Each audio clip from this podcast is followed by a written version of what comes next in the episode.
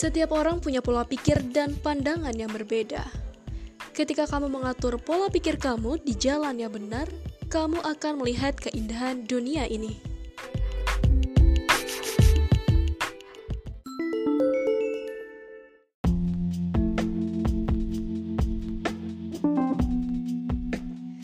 Semua, kenalin aku Ingrid Ashari.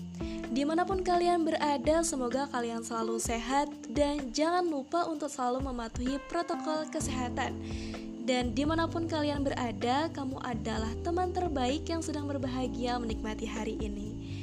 Di podcast pertama aku ini, aku pingin ngobrol-ngobrol sedikit tentang satu topik yang spesial.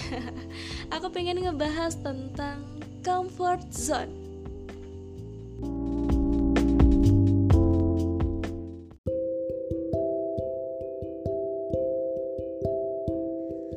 Comfort zone atau dalam bahasa Indonesianya sering disebut dengan zona nyaman.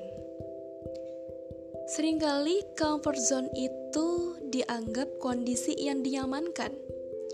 Padahal sebenarnya comfort zone itu berbeda dengan kondisi yang dinyaman-nyamankan. Comfort zone sebenarnya adalah memang suatu kondisi yang benar-benar nyaman, benar-benar gak ada lagi yang perlu diperbaiki. Udah oke okay semuanya, udah nyaman semuanya. Dan kalau kondisi yang dinyamankan sebenarnya mungkin belum nyaman secara seutuhnya, tapi ya berusaha menyaman-nyamankan aja. Jadi sering kali banyak yang mengira sedang berada di comfort zone atau di zona nyaman ini Padahal mereka sedang menyamankan kondisinya yang sebenarnya mungkin masih banyak kondisi yang bisa diubah lagi untuk menjadi lebih baik. Salah paham tentang konsep bersyukur sering kali membuat banyak orang menjadi enggan untuk berusaha dengan mengira bersyukur aja deh dengan yang ada gitu. Jadi sering salah paham nih. Padahal di agama pun kita diajarkan untuk terus bergerak, move up, untuk mencapai kehidupan yang lebih baik. Gak cuma di dunia aja, tentunya juga di akhirat. Ibadah aja perlu di-upgrade setiap saatnya. Sebagai seorang muslim, nggak hanya sholat lima waktu sehari aja, tetapi perlu di-upgrade terus-terus bertambah.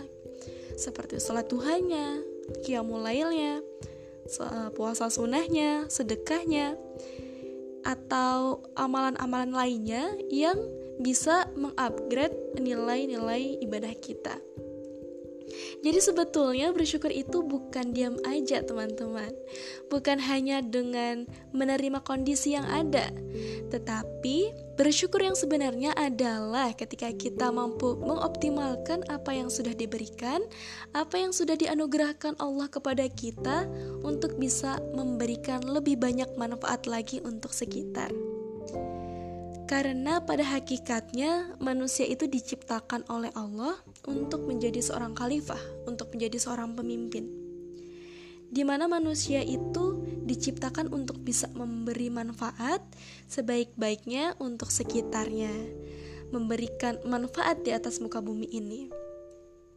Dan pastinya, sebaik-baiknya kita memberikan manfaat, sebanyak-banyaknya kita melakukan amal ibadah itu pasti diperlukan sebagai bekal kita ke akhirat nanti.